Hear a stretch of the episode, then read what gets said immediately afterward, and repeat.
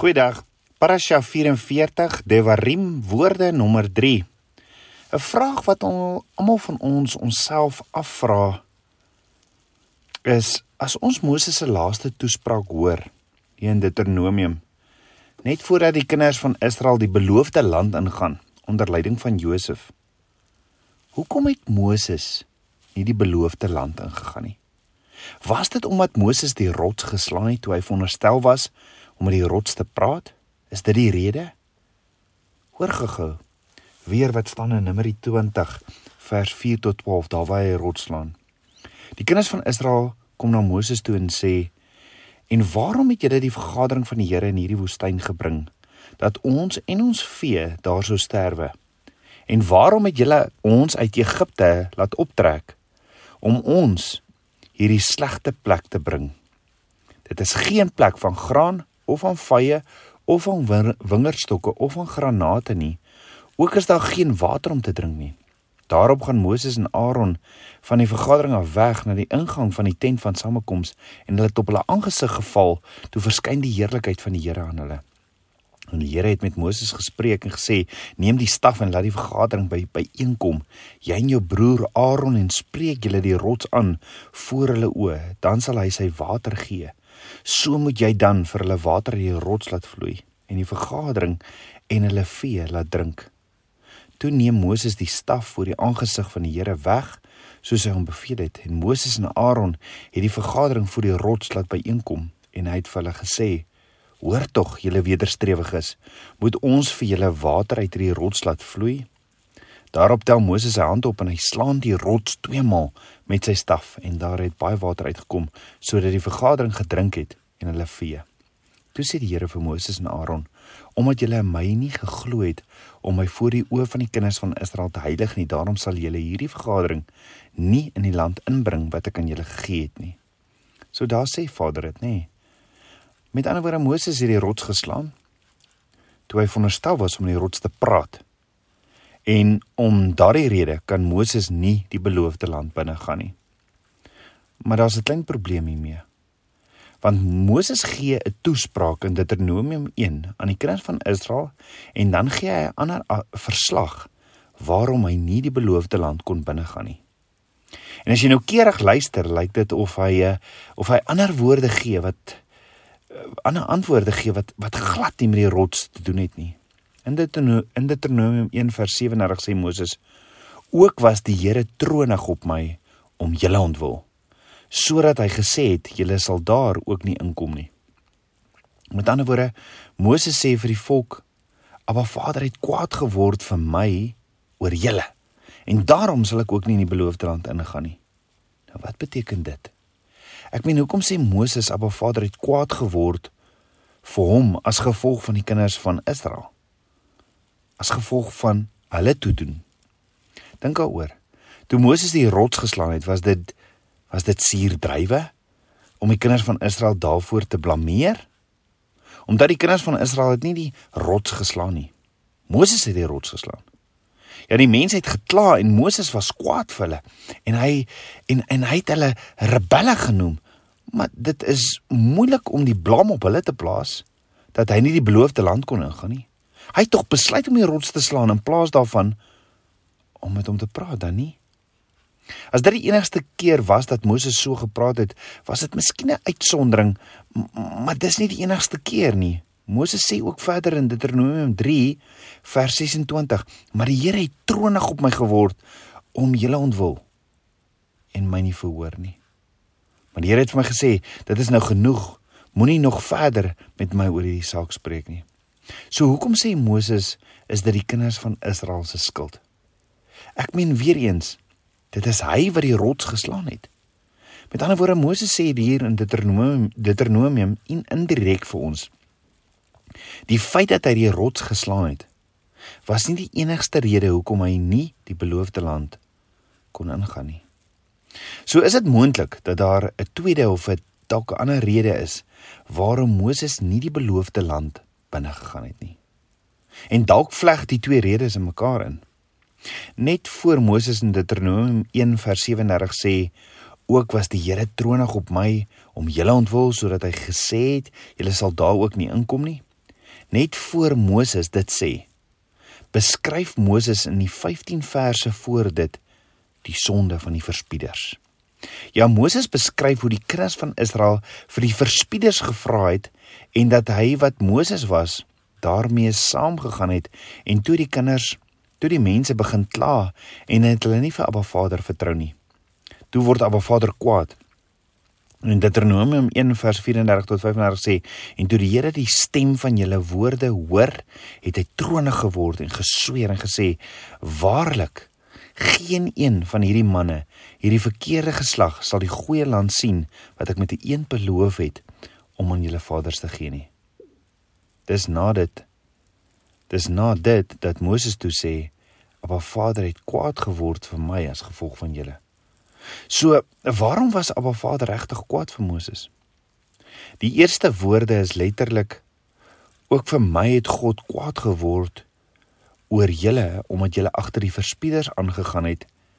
Ek het nie en dit was nie my skuld nie. Ek het nie en dit was nie my skuld nie.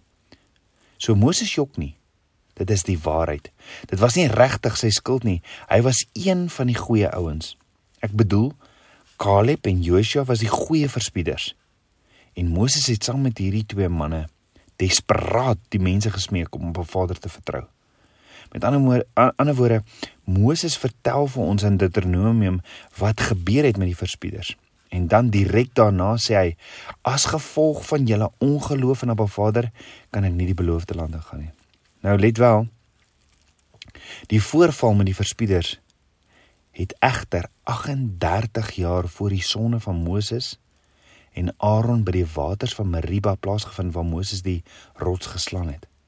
38 jaar voordat Moses die misdaad begaan het om die rots te slaan het Abba Vader vonnis teen hulle opgelê. Met ander woorde as Moses sê dat dit nie sy skuld was nie, is dit soort van die waarheid. Maar dink daaroor. As dit so is, waarom moet Moses aanspreeklik gehou word vir iets wat nie sy skuld was nie?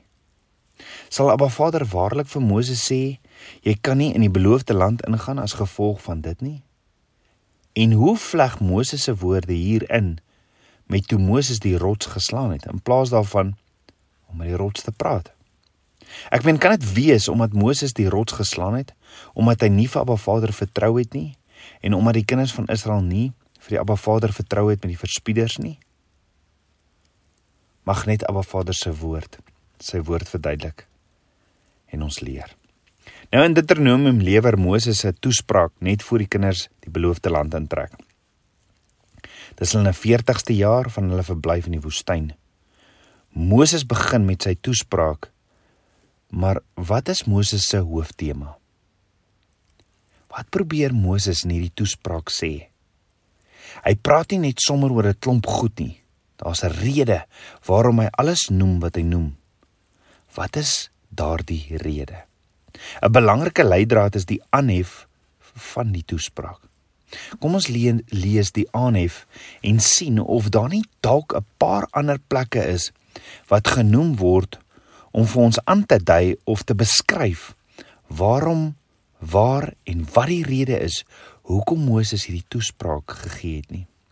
So Moses begin om 'n paar plekke te noem en dan staan daar dalk een van hierdie plekke so bietjie uit.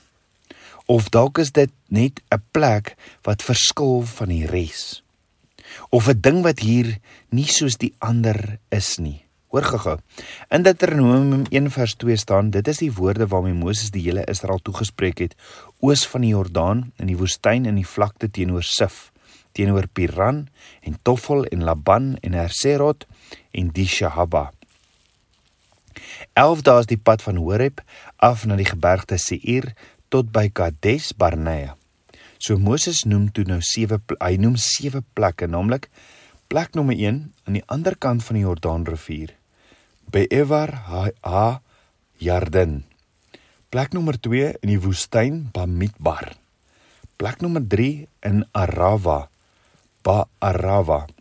Plek nommer 4 oorkant Sif Mal Sif. Plek nommer 5 tussen Piran en Toffel Ben Paran 'n byntoffel. Plek nommer 6, 11 dae weg van Berg Horeb af. Plek nommer 7 verby Ha Harseer in die rigting van Kadesh Barnea. Daar reg Harseer. Met ander woorde Moses noem hierdie plekke wat hulle besoek het in die 40 jaar en wat op hierdie plekke gebeur het op so 'n datum. Hy hy, hy gebeur wat gebeur het op so 'n 'n datum op hierdie plekke. Nou as jy na hierdie sewe plekke kyk wat Moses genoem het, watter plek is anders as al die ander? Ek dink die plek wat anders is is die plek wat Moses noem wat 11 dae weg is van Horeb. Nou berg Horeb is 'n ander naam vir die berg Sinai. Hang net af mos van watter kant af jy kyk na die berg toe. So Moses noem hierdie plek wat 11 dae weg van berg Sinai is. En dis die enigste plek wat genoem word maar waaraan 'n periode of 'n tydperk gekoppel is. Wat is 11 dae weg? Al die ander plekke word geografies beskryf in terme van waar hulle is. Maar hier word dit beskryf in terme van wanneer hulle daar was. 11 dae se stap van Berg Horeb af. Reg voor die beloofde land en is hier waar die toespraak plaasgevind het.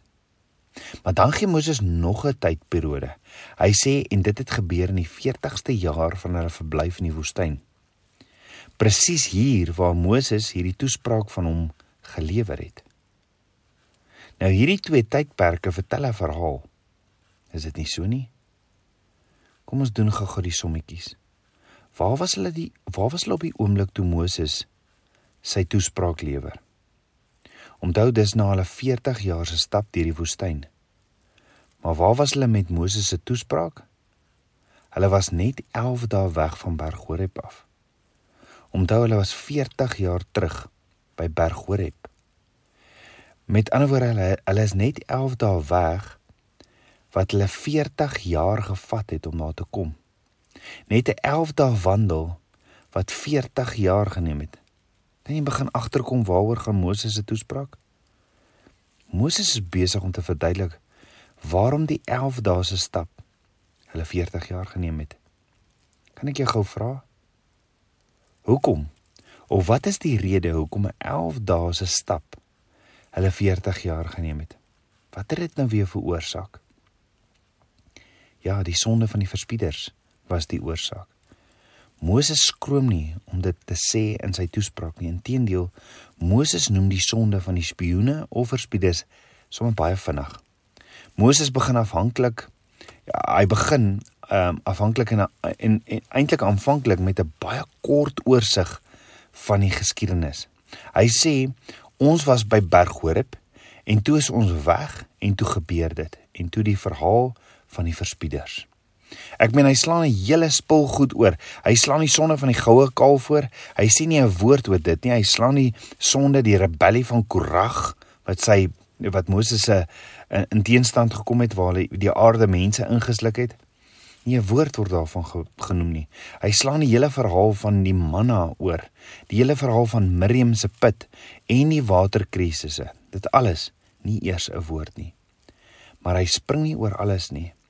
Hy hamer op een klein gebeurtenis wat so amper vir ons onbelangrik lyk. Die maklike vergeete verhaal van die verhaal van Jethro, Moses se skoonpa.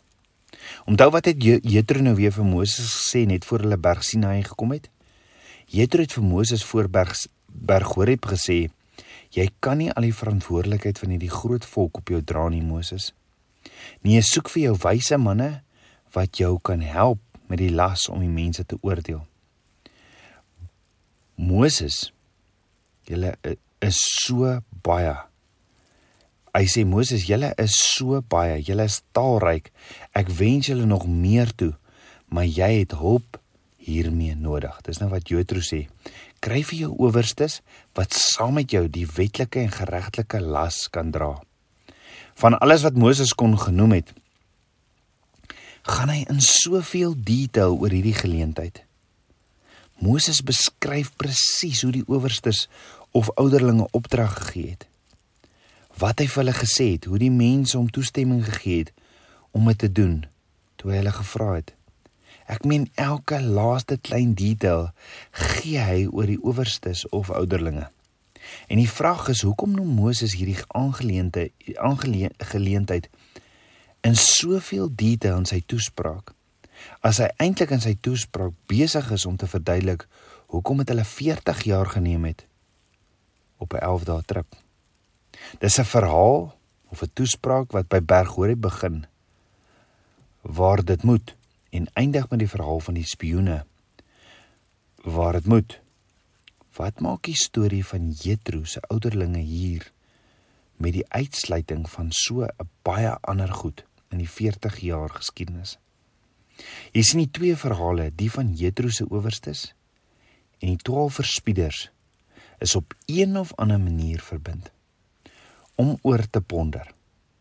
Waarom is hierdie twee verhale verbind? Wat verklaar Moses as die perspektief op dit alles? Kom ons bid saam.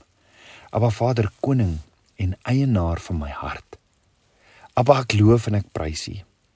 Vader, ek wil U vriend wees soos Moses. Ek wil U stem, U stem duideliker en duideliker hoor. Ek wil diensbaar wees en U net Shema. Vader, ek wil soos Yeshua se disippels sê, Yeshua, gee my meer geloof. Dankie vir U woord wat so soet soos heuning is. Vergewe my my sondes. Was my met die waterbad van U woord. En kom leef vir my meer en meer van U, my Abba. Ek bid dit alles in Yeshua, Hamasiach se naam, die seun van Jahweh. Amen. Shalom.